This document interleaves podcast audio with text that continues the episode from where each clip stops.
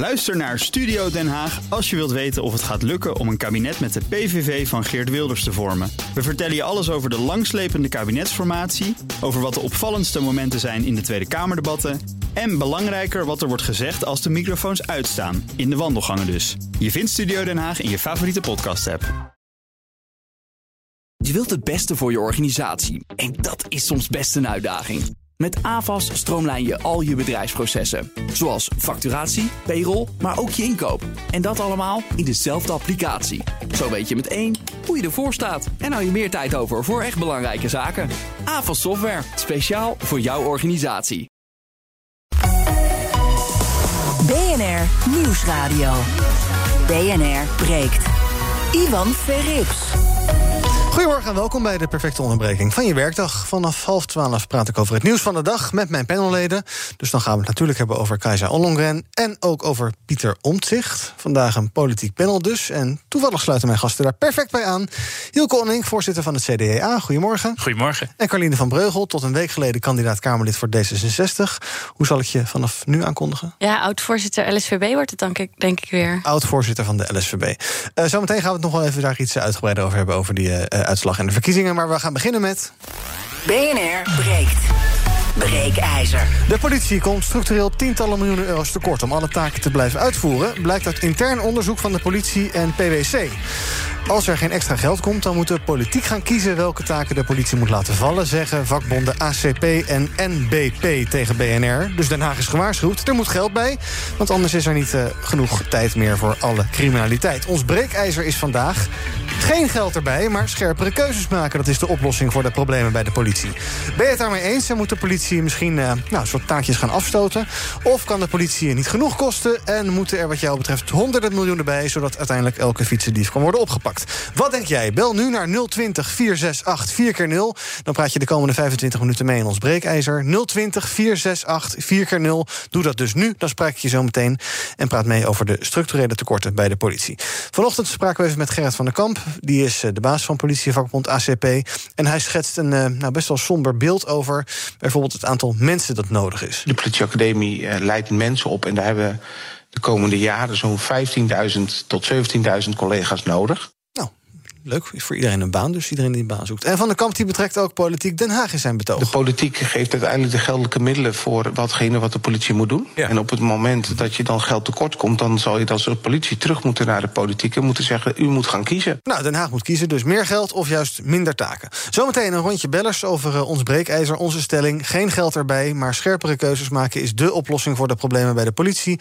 020 468 4 0 Ik zie Aran, Victor en Lisander al hangen, daar ga ik zo meteen naartoe. Zometeen dan trek ik het ook in de politieke arena van mijn panelleden. Maar ik begin even met Marnix IJsing-Smeets. Die is lector publiek vertrouwen in veiligheid aan Hogeschool in Holland-Rotterdam. Marnix, goedemorgen. Goedemorgen. Uh, geen geld erbij, maar scherpere keuzes maken. Wat vind jij van onze stelling? Nou, daar ben ik het bijna mee eens. Maar waarop net ik... niet dan? Ja, uh, wel geld erbij en wel scherpere keuze maken. Mm -hmm. Dat is het verhaal. Mm -hmm. Uh, kijk, de politie is langzaam aan het verzuipen. En dat geldt niet alleen voor de politie, dat geldt ook voor het Openbaar Ministerie, dat geldt ook voor de rechterlijke macht.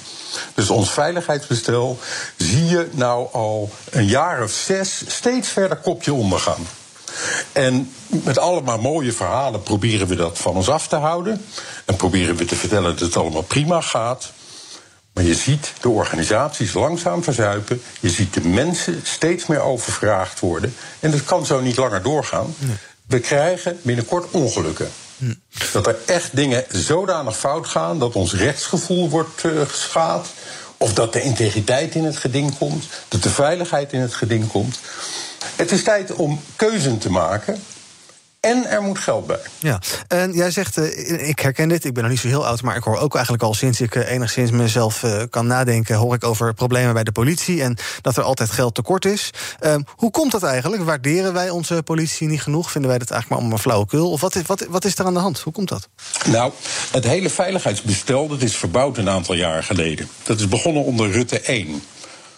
En toen ehm, is er zowel bezuinigd als enorm gecentraliseerd...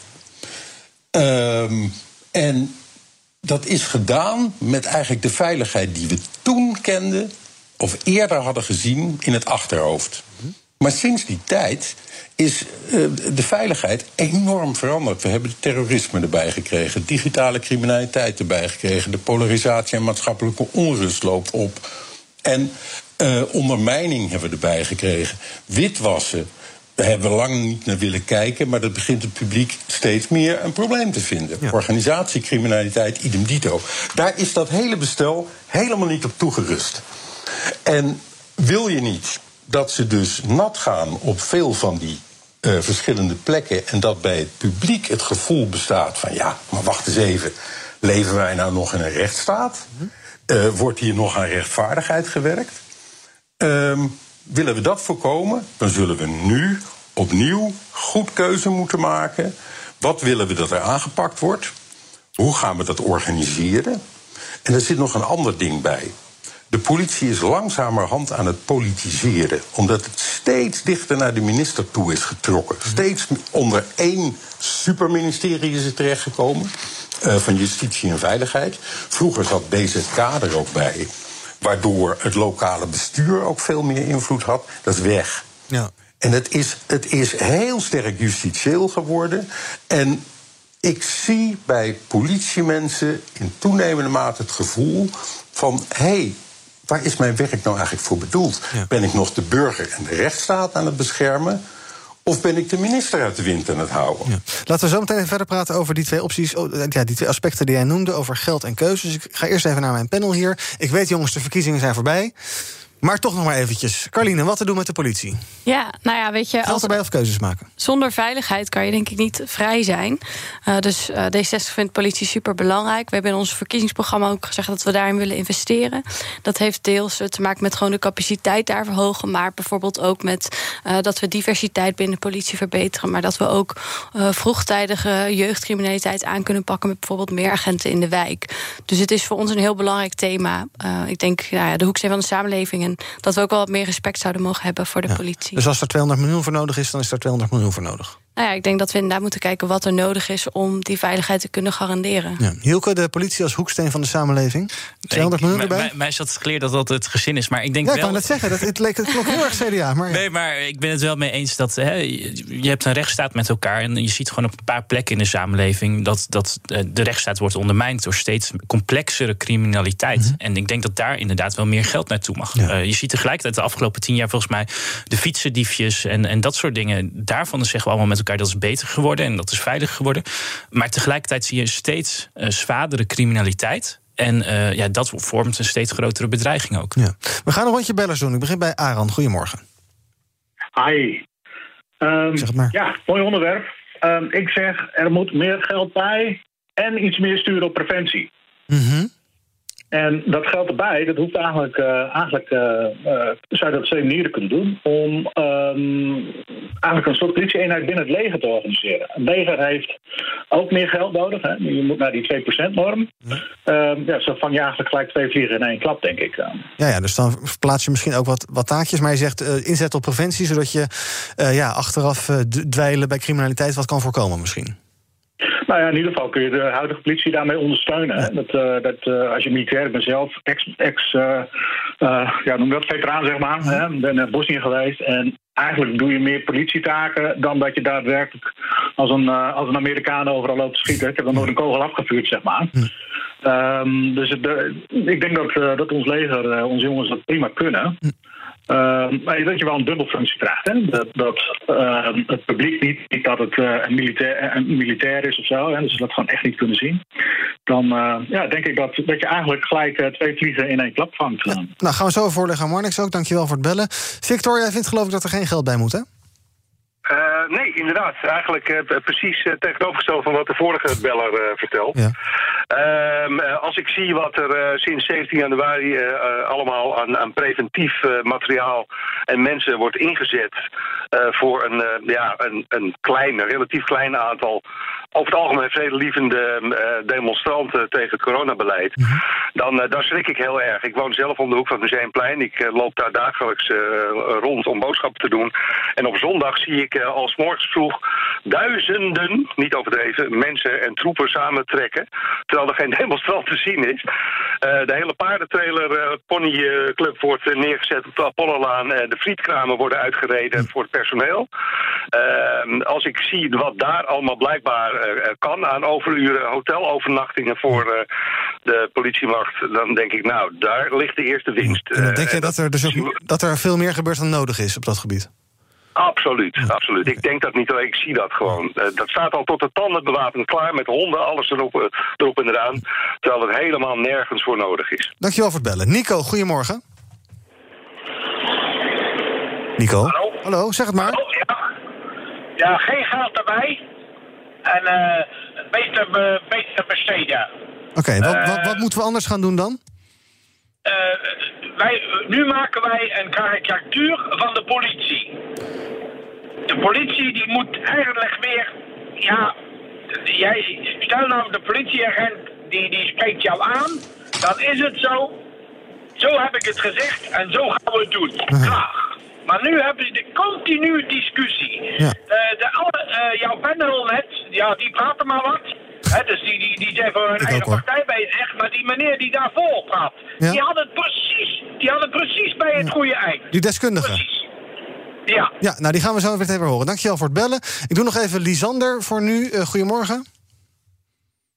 Ja, goedemorgen. Ik, uh, ik moet maar zeker als eerste complimenten geven bij de eerste beller. Daar sluit ik me helemaal bij aan. Mm -hmm. Uh, die heeft veel inside information van de politie, had ik begrepen. En dat, dat is dus respectvol. Uh, wat ik eigenlijk uh, wil aangeven is uh, geld erbij sowieso, omdat er altijd op bezuinigd is. Daar hebben ze gewoon nog iets uh, te goed, zeg maar, van de vaderstaat voor al hun inspanningen en overuren. Ik denk dat, dat daar zeker een correctie op zijn plaats is.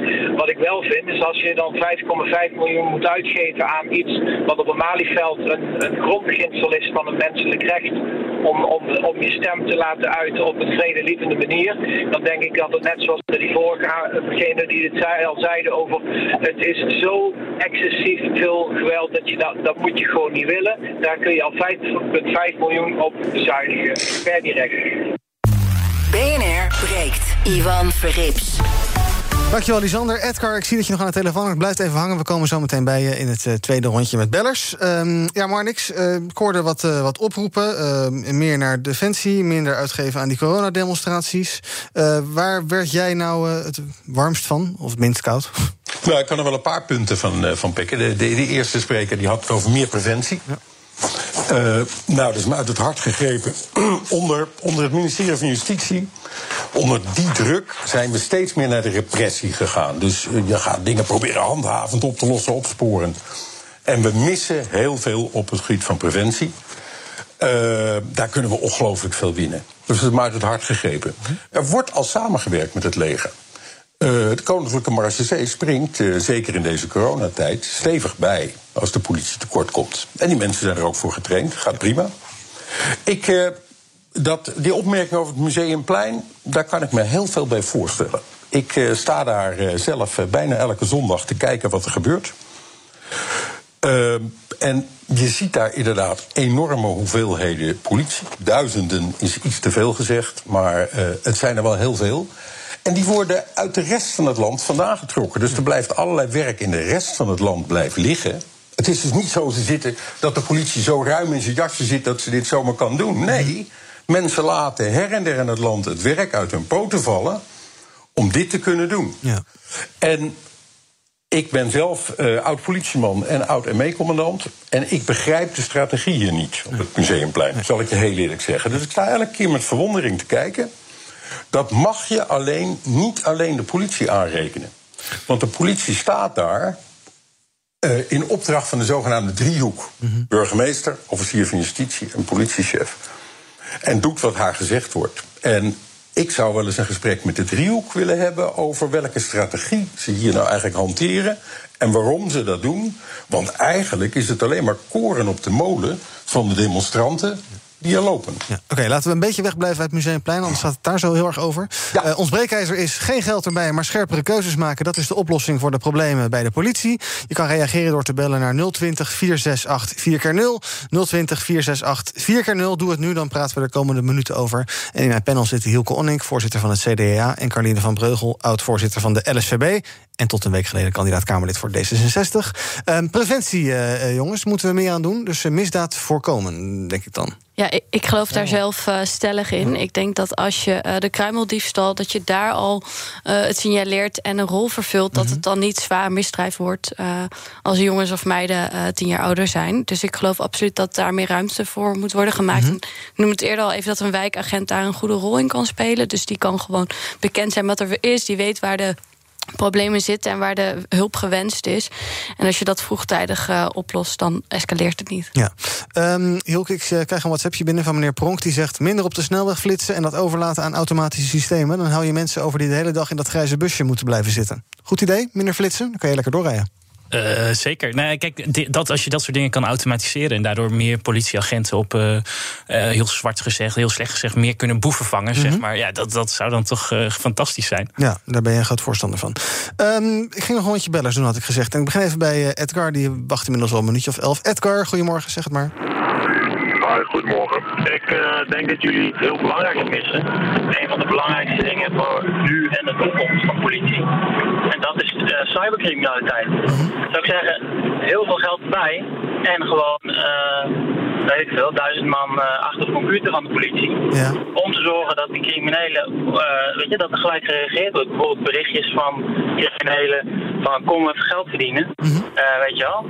Daar moet gelijk een bericht van de politie overkomen. Zo, uh, wat ben je aan het doen? Ja. Dat mag niet. Ja, en moet dat dan uh, bovenop het, uh, laat ik maar zeggen, het klassieke politiewerk komen? Of moet dat dan een beetje afgeschaald worden? Want dan krijg je natuurlijk nee, wel een beetje het beeld dat de politie een soort rupsje nooit genoeg is... die er altijd maar geld bij wil. Nee, ik zou daar een aparte afdeling voor doen. Die ook natuurlijk de, men, de mensen op straat. Maar ik zou apart mensen opleiden die uh, online zeg maar, de criminaliteit aangaan. Dus uh, hackers, uh, mensen die van IT af weten. Mm -hmm. Die, en dan die kunnen dan informatie aanleveren voor uh, arrestatieteams of uh, weet je wel. Ja, duidelijk. Dankjewel. Ik geloof dat zo'n team er wel is hoor. Team High Tech Crime. Maar dat zijn misschien een beetje de mensen die alle uh, hele moeilijke klusjes doen. Ik ga even naar Paul. Goedemorgen. Goedemorgen. Zeg het maar. Ja, ik uh, vond die ene meneer die het zei, meer geld en meer uh, politie uh, aannemen, van, vond ik een heel goed idee. Mm -hmm. In ieder geval. Um, ja, gewoon, en dan die ME'er, die ME-commandant die uh, reactie gaf, uh, vond ik ook uh, ja. heel veelzijdig. Ja, ik, ik ken de situatie ook in Amsterdam dus niet. -hmm. Hier in Tilburg valt het best wel mee. Ja. Dat, af en toe komt er wel eens een keertje een uh, marché-busje over de ringbaan gescheurd. Gelukkig dat ze niet de stad in moeten. Ja. Ja, ik, ik hoop niet veel reclame voor Tilburg te maken, maar in ieder geval. ja, van ja ja, toen, met, uh, toen uh, net met corona, ja, toen uh, stond alles wel op scherp. Ja, toen in Den Bosch daar toevallig een oefening van het leger aan de gang was, vond ik helemaal dat ding eigenlijk best wel goed. Ja, duidelijk. Dankjewel voor het bellen, Paul. Um, Anjo nog even. Ja, goeiedag. Ben ik ja. in, in, de uitzending? Live. Ja, oké, okay, dankjewel, dankjewel. Nou, mijn bijdrage is, uh, de politie zou beter zijn eigen broek nog een stukje meer kunnen ophouden. Ja. Uh, in, in Nederland heb je een hele hoop mensen bij wie het geld tegen de plinten klotst, uh, omdat ze hun hypotheek opnieuw hebben afgesloten. Ja. in België klotst het geld bij de politie ook tegen de plinten, omdat ze zoveel boetes binnenhalen. Nou, die combinatie is te maken door de figuren die op de derde baan op de snelweg ja. menen dat echt 110 km per uur op de teller iets belachelijks is en mm -hmm. gewoon veel harder rijden. En daarom, als je dus je aan de snelheid houdt, heb je heel regelmatig een paar nare lichten in je, in je, in je spiegel van mensen die je daar wegdrukken. Ja. En een beetje meer de boetes ophalen wat dat betreft, dat kan een hele hoop geld schelen. Ja, ja de politie moet zijn eigen verdienmodel gaan organiseren. Ik snap het al. Dankjewel, Anjo. Uh, Amit of Amit, goedemorgen. Ja, goedemorgen is het. Um, ik zat even heel aandachtig te luisteren en ik heb de namen voorbij zien komen van de Koninklijke Marche en het leger. Mhm. Daarbij denk ik ook dat de politie beter kan samenwerken en er komt een stukje integrale veiligheid bij kijken. Uh, het zij particuliere beveiligingsorganisaties uh, en uh, handhaving en toezicht, waar de politie natuurlijk veel meer kan samenwerken om het stukje, het zij winkelgebied over de straten, natuurlijk het veiliger kan maken voor de burgers. Ja, slimme samenwerking dus. Ja, een slimme samenwerking, zeker. Dankjewel voor het bellen. En tot slot voor dit blokje eventjes Leo, goedemorgen. Goedemorgen. Zeg het maar. Uh, nou, wat ik uh, vind, vooral het begin waar jullie het over hadden met de stelling. Uh, ik ben een groot voorstander van de nationale politie. Mhm. maar wat ik nu wel merk, is dat de politiek veel zaken van de, politi van de politie eist. Ja. Maar daar geen geldmiddelen tegenover zet. Nee. En nou, toevallig werk ik zelf bij de politie in de ondersteuning. En, en daar heb ik dagelijks last van. Ja, wat ik kan wel een voorbeeld geven. Ja, doe maar. Uh, opleidingen, dus de fysieke uh, opleidingen van, van agenten, hoe ze met wapens moeten omgaan enzovoort. hoe ze met publiek moeten omgaan. Daar wordt er gewoon te weinig geld tegenover gezet. Terwijl de, politie, of de politiek wel eist dat er meer trainingsuren komen. Ja. PTSS-dossiers, die moeten acuut worden opgelost. Maar daar wordt niet structureel geld tegenover gezet. Ja. dat zijn maar een paar voorbeelden. Dank voor het bellen, Leo. Um, uh, ja, jongens, uh, Hilke, jullie willen veel te veel. Uh, ja, maar daar ja. wil ik ook dat er meer geld ja, bij komt. Ja, dat snap ik. Maar ja, het, je, wil altijd meer dan, je wil altijd meer dan er geld bij komt.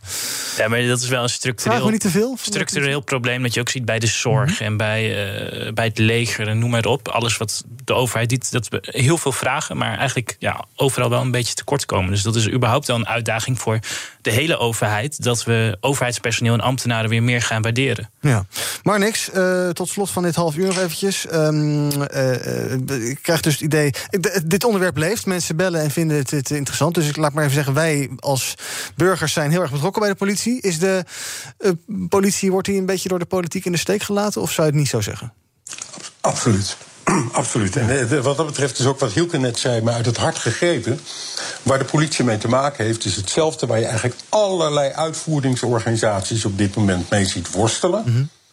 Uh, en wat ook de laatste spreker vanuit de politie zei. Er worden dingen gevraagd van de organisaties. Uh, die, waarbij men vooral een bepaald beeld in de media en in het politieke debat probeert hoog te houden. Mhm. Mm -hmm. Zonder zich af te vragen hoe het echt op straat werkt. Ja. Dat gat wordt steeds groter. Ja. En, en daar kan je misschien het politieke debat wel uh, mooi mee stilhouden. Maar de professionals in die organisaties krijgen het er steeds lastig mee om echt goed hun werk te doen. Ja. Dus het wordt tijd dat we eens terugkeren naar de werkelijke belangstelling van wat speelt er nu echt in deze organisaties aan de frontlinie. Wat hebben mensen nodig? En daar de boel op sturen. In plaats van welk beeld houden we in het politiek-bestuurlijke debat hoog. Dankjewel, Marnix IJsing-Smeets. Fijn dat je even wilde meepraten in onze breekijzer. De conclusie is denk ik een beetje dat heel veel mensen zeggen... Uh, ja, er moet meer geld bij, maar we moeten ook goed kijken naar taken... slim samenwerken en misschien ook wat dingetjes afstoten... en ergens anders weer kwijt. Nou, deze discussie is nog niet klaar, we gaan hem hier ook niet oplossen. Um, maar het breekijzer eindigt hier wel. Zometeen ga ik verder praten met mijn panel. Dan praten wij over uh, Kajsa Ollongren, de verkenner en demissionair minister van Binnenlandse Zaken. Die is positief getest op corona. Mark Rutte is negatief getest op corona. En zojuist komt het bericht binnen dat uh, de, mevrouw Ollongren bij haar vertrek haar uh, formatieaantekeningen open en bloot heeft uh, laten zien aan fotografen. Daar gaan we het vast zo eventjes over hebben om uh, half twaalf na het nieuws. En dan hebben we het ook over quarantainecoaches, wat dat ook mogen zijn. Die kan misschien minister Ollongren nu wel gebruiken. En Pieter Omtzigt, is hij slachtoffer van een fluistercampagne? Zometeen na het nieuws om half twaalf in het tweede deel van BNR Breekt. BNR Nieuwsradio. BNR breekt. Ivan Verrips. Welkom terug bij BNR Breekt. Vandaag in mijn panel Cornelie van Breugel. Zij is uh, oud-voorzitter van de LSVB. En wellicht over vier jaar weer op de lijst van D66. Ik hoop het wel, toch? Hoop Ja, nou, wie weet. Ja, wie weet. Eh, of misschien wel eerder. We gaan het zien. En Hielke Onnik is bij me, voorzitter van het CDA. Ook hij zit in mijn panel vandaag. Fijn dat je er bent. Eh, we gaan het hebben over. eh, zometeen nog even over de uitslag van de verkiezingen. Want als ik twee politieke dieren heb in het panel, dan moet dat natuurlijk gebeuren. Maar eigenlijk is alles verkiezingen wat de klok slaat. Ehm, het laatste nieuws wat net binnenkwam is dat. ja, het is een beetje lullig. Want vanmorgen was Keizer Ollongren dus klaar om Mark Rutte te ontvangen. Rond kwart over negen zou hij komen voor de verkenningsgesprekken.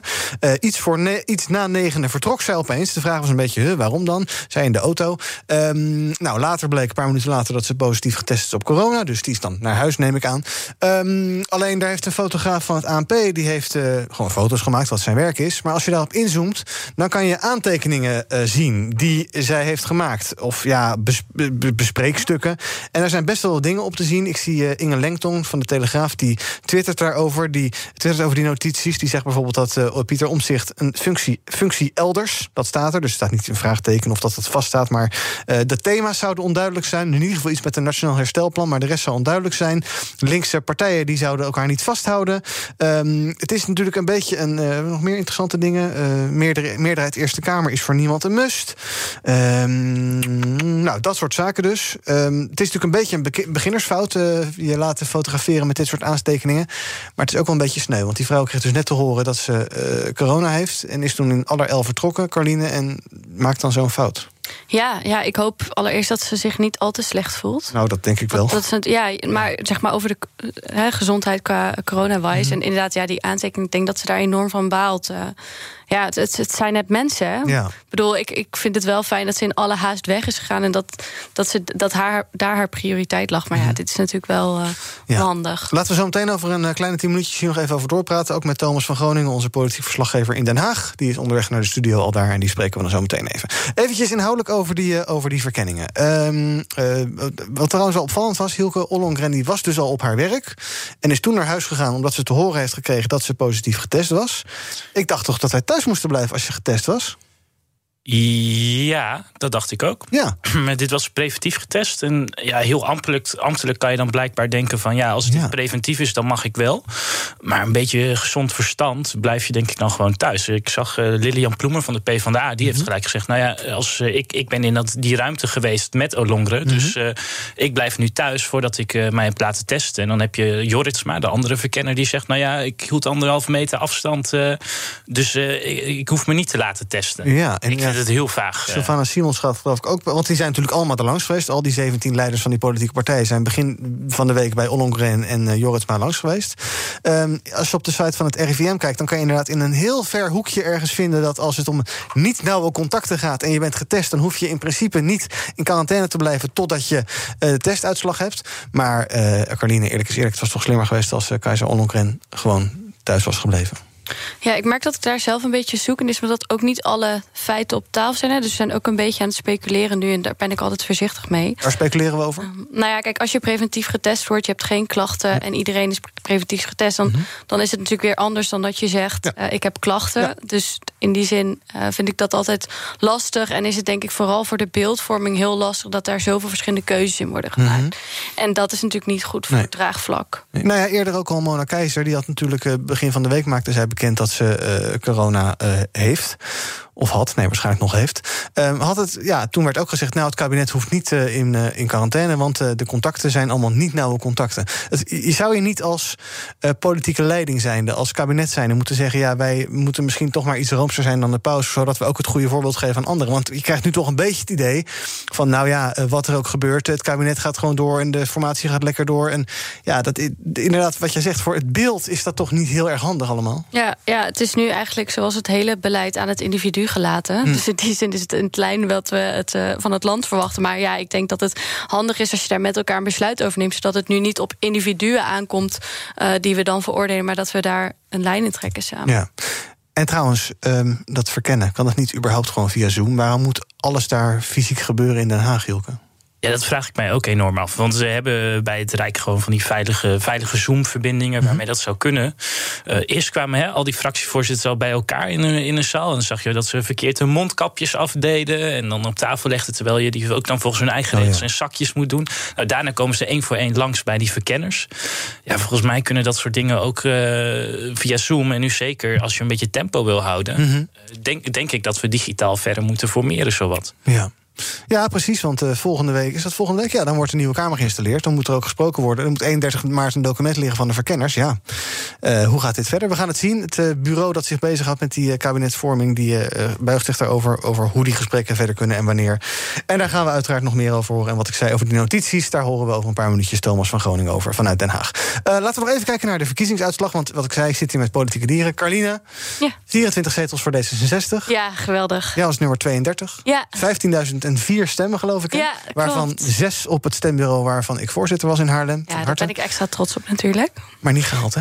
Nee, net niet. Ja, nee, dat? Is, ja, d- dat is heel jammer. Maar tegelijkertijd 15.000 mensen, 5.004 mensen die vertrouwen in je hebben en je naam aankruisen. Ja. Dat, ik kan het nog niet bevatten. Volgens mij is dat een vol ahoy. Die mijn naam überhaupt. Ja, dat is natuurlijk de beste aanmoediging die je kan krijgen. Hoe heb je de race ervaren? Dat is toch dat is een hele intensiviteit, neem ik aan. Ja, het was super gaaf. Het was ook heel leuk om te merken hoe in het begin iedereen sceptisch was van hè, nummer 32. En vervolgens eh, de dag voor de verkiezingen eh, mijn foto op de voorkant van de Volkskrant stond. Toen dacht ik wel, ik heb wel even laten zien eh, wat ik in huis heb. Ja. En dat is natuurlijk wat je hoopt, dat je gewoon jezelf even ja, kan laten zien. Ja. Hielke, jij was ook verkiesbaar, zag ik. Ja, In de ja. kieskring Den Haag. Als lijstduwer voor het CDA. Ja, ja. En hoeveel stemmen heb je daar gehaald? Gaan we het niet over hebben. Oké, vind je het pijnlijk of niet? Nee, kijk, ik, ik woon... Want, leg eerst even uit hoe dat zit. Want ik geloof dat er meer jongeren op- bij die kieskringen dan eh lijst. Dus is het een soort ludieke actie? ik Ehm. zou het wel even zeggen. Eén stem. Oké, ja. Nee, wij hebben, wij hebben als CDA hebben, we, eh, de eerste 50 kandidaten. En dan per kieskring, dus alle provincies en de grote steden... die hebben dan nog de nummer 50 tot nummer 70 Mhm. eh, lokale kandidaten. En eh, de afdeling Den Haag, waar ik amper een jaar woon... dus alleen nog maar CDA'ers ken...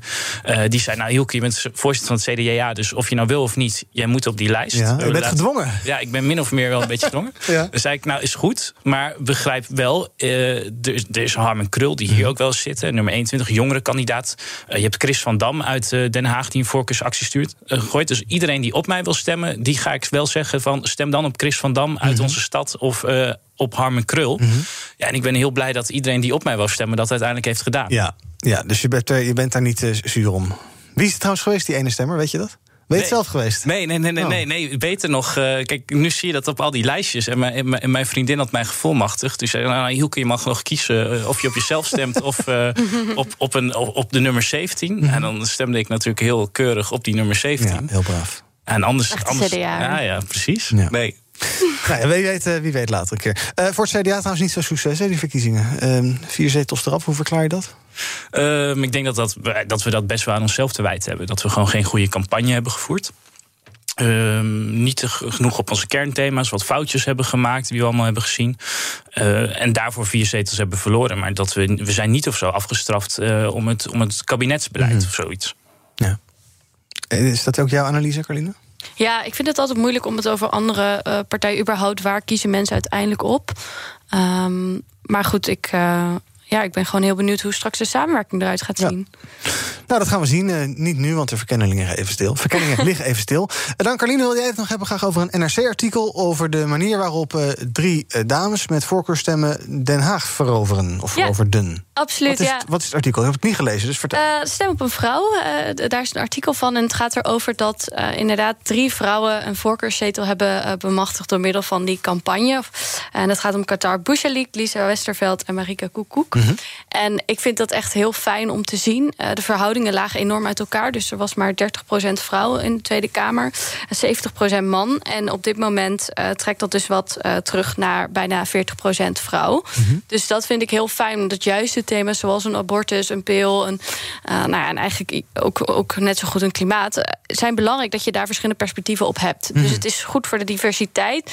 En daarnaast, ook in dat artikel staat dat... nou, Lisa van Ginnik, het eerste transgender Kamerlid Kamerlid vind ik echt nou, geweldig. Heel belangrijk dat die representatie er komt.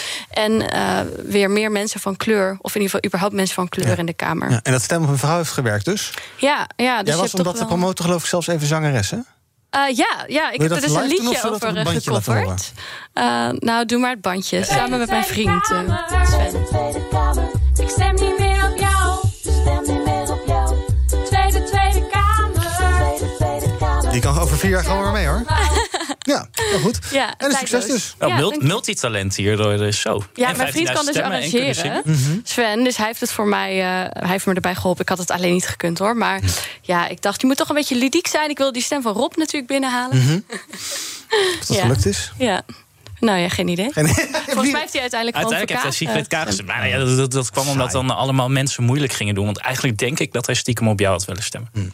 Um, zit Thomas er al? Dat vraag ik gewoon aan mijn regisseur. Ja, Thomas, Thomas, je bent er. Ik heb al meegezongen. Oh, wat goed. Oh, Want wacht het was even. wel Dat wil, ik, echt dat, een hitje. dat wil ik horen. Kom maar door. Tweede, Tweede Kamer. Tweede, Tweede Kamer. Ik stem niet meer op jou. Ik stem niet meer op jou, jou. Goed, dat zit in de Ja, archieven. hoor. Wat ga je zo meteen om 12 uur in zaken Nou, doen? misschien als ook we wel weer zingen. serieus kunnen nemen daar? Kom maar door. Eh, BNR breekt. Ik zit hier in de studio met eh, mijn panel vandaag, eh, bestaande uit eh Hiel Koning van het CDA en Carline van Breugel, oud-voorzitter van het LSVB. En zometeen gaan we even praten met Thomas van Groningen, die is zometeen in de studio in Den Haag. Sterker nog, ik zie hem nu binnenkomen. Hoi Thomas. Hey, Ivan. Nou, dat was een interessant ochtendje.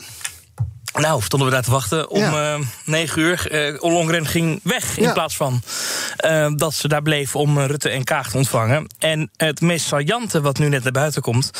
ehm, fotografen die stonden daar klaar om Rutte te ontvangen. En ja, die zagen ineens eh, ehm, Ollongren weggaan. Mhm.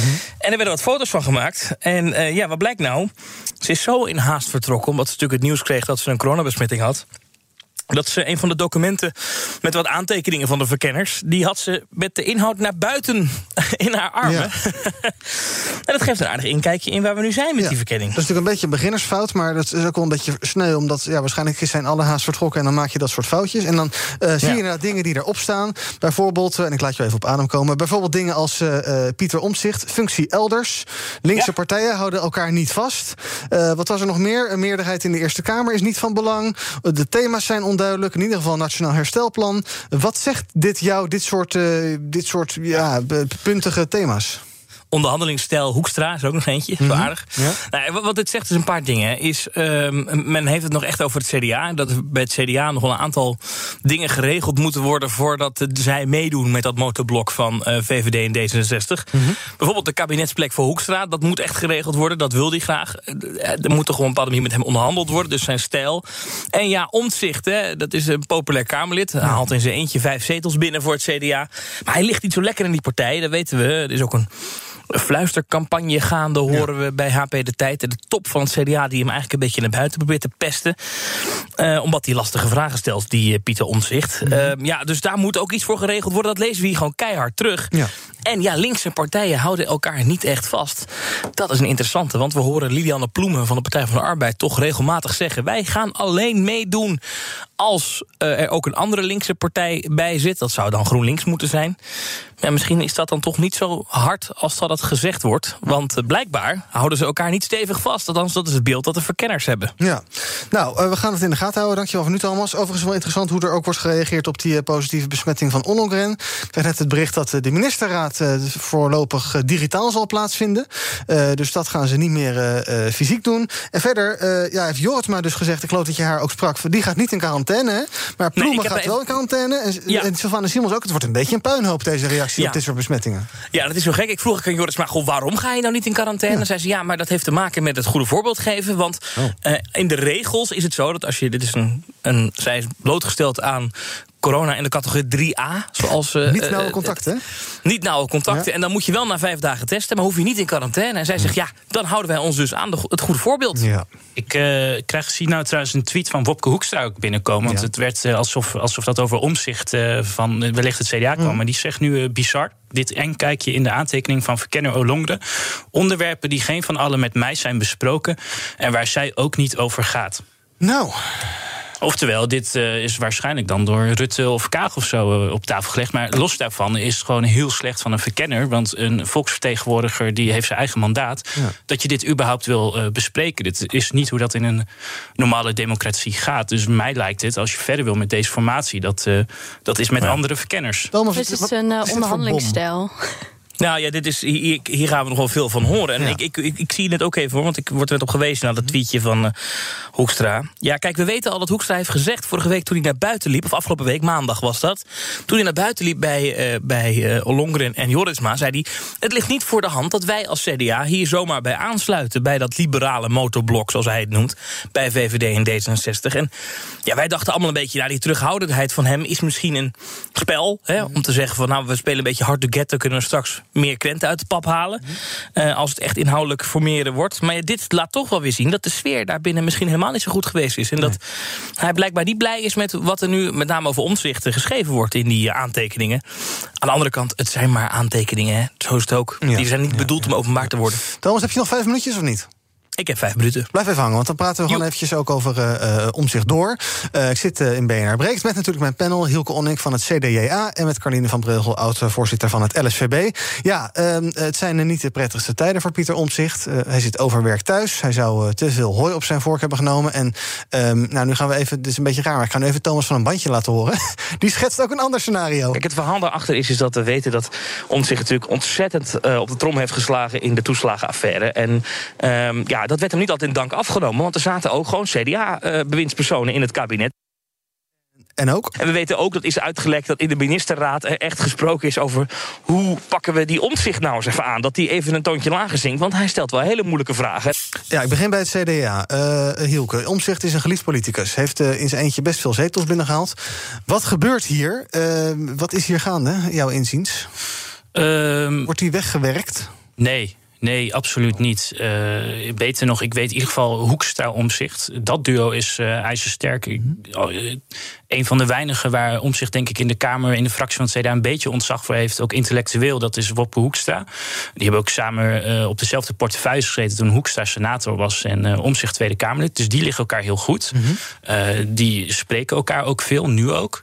Ehm, ja, en ik denk persoonlijk dat. dat er, er is wat naar buiten gekomen over de eh, gezondheidssituatie van omzicht. Dat is heel pijnlijk dat je daar met eh, journalisten over spreekt.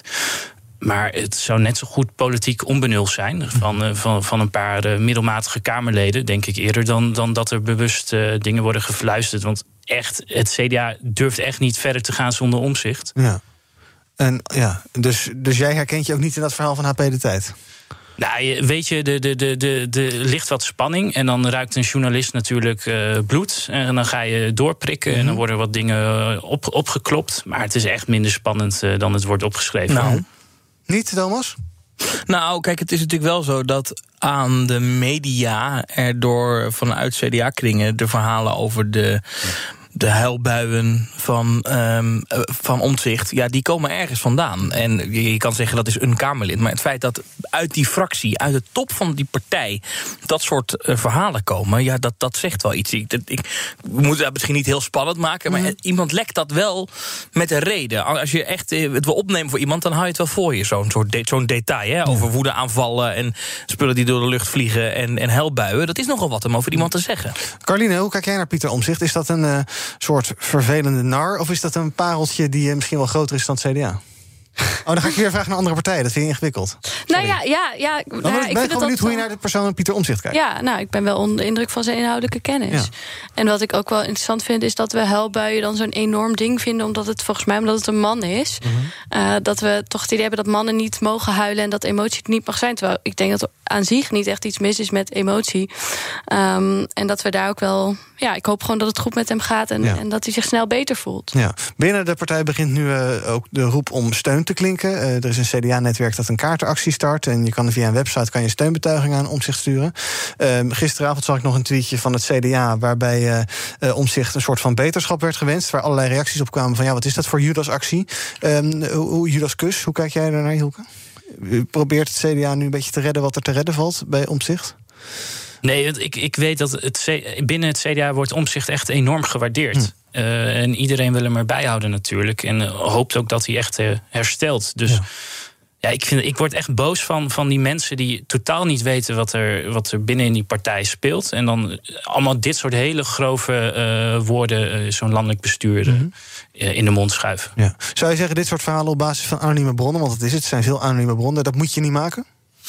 Mm, die- nee, nee, kijk, ja, je moet daar voorzichtig mee zijn. Eh, je moet je als, denk ik, als journalistiek geen speelbal worden van mensen die dingen eh, je, je vertellen om een ander te beschadigen. Maar aan de andere kant is het ook je rol als journalist om, denk ik, om te laten zien wat, wat speelt daar nou op de achtergrond op zo'n, in zo'n binnenhof. Dus ik snap ook wel weer dat het wel wordt opgeschreven. Ja. Nou, voor het binnenhof nog even naar Thomas. Eh, hoe, is dat, hoe zijn die verhalen rondom het om zich gevallen daar? Nou, bij andere partijen eh, wel weer gevallen in die zin van... eh, wat is dit voor een haatcampagne naar één persoon? Dat hebben we eigenlijk ook al eerder gezien toen er een verhaal over eh Katiga Ariep... de Kamervoorzitter, naar buiten kwam. Die werd in een RTL-stuk op de site van RTL Nieuws ook kapot gemaakt, kunnen we wel zeggen. Ze werd manipulatief, leugenachtig. Ze was echt verschrikkelijk, was ze. Eh, maar dat waren allemaal anonieme bronnen op het Binnenhof... die dat over haar zeiden. En toen waren er al Kamerleden bij de Partij van de Arbeid... maar ook bij andere partijen, zelfs Klaas Dijkhoff...